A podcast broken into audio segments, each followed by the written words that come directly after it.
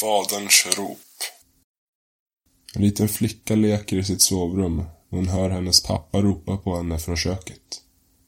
Hon springer ner för trapporna för att träffa hennes pappa. Hon springer genom hallen, öppnas ett skåp och en hand griper tag i henne och drar in henne. Det är hennes pappa. Han viskar. Gå inte till köket. Jag hörde det också.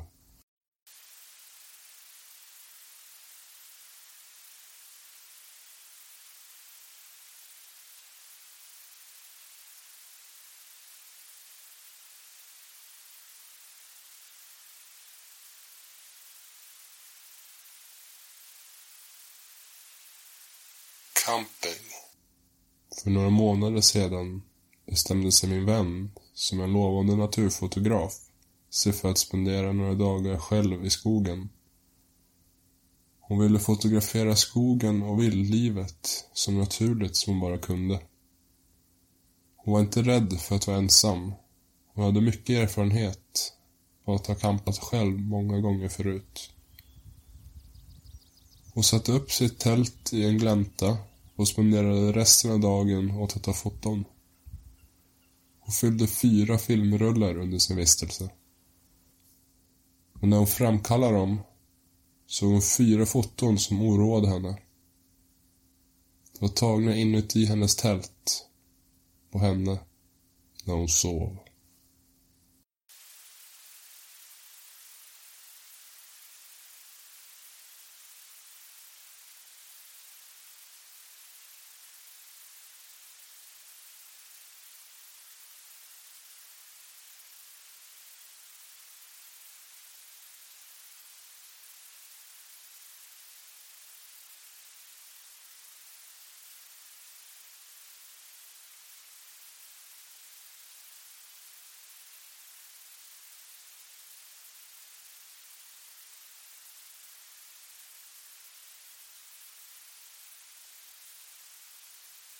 Porträtten.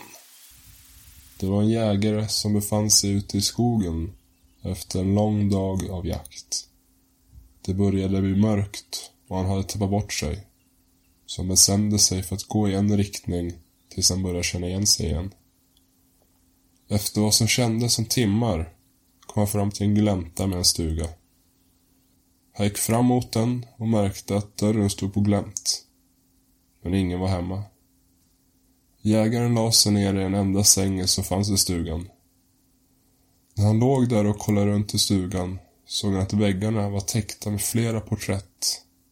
Alla målade med otrolig detaljrikedom.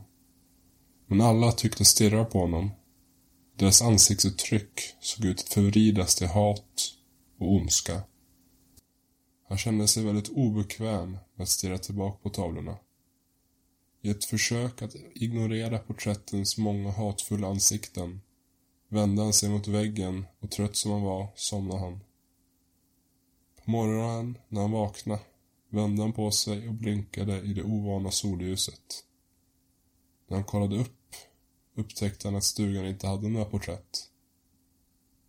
Bara fönster.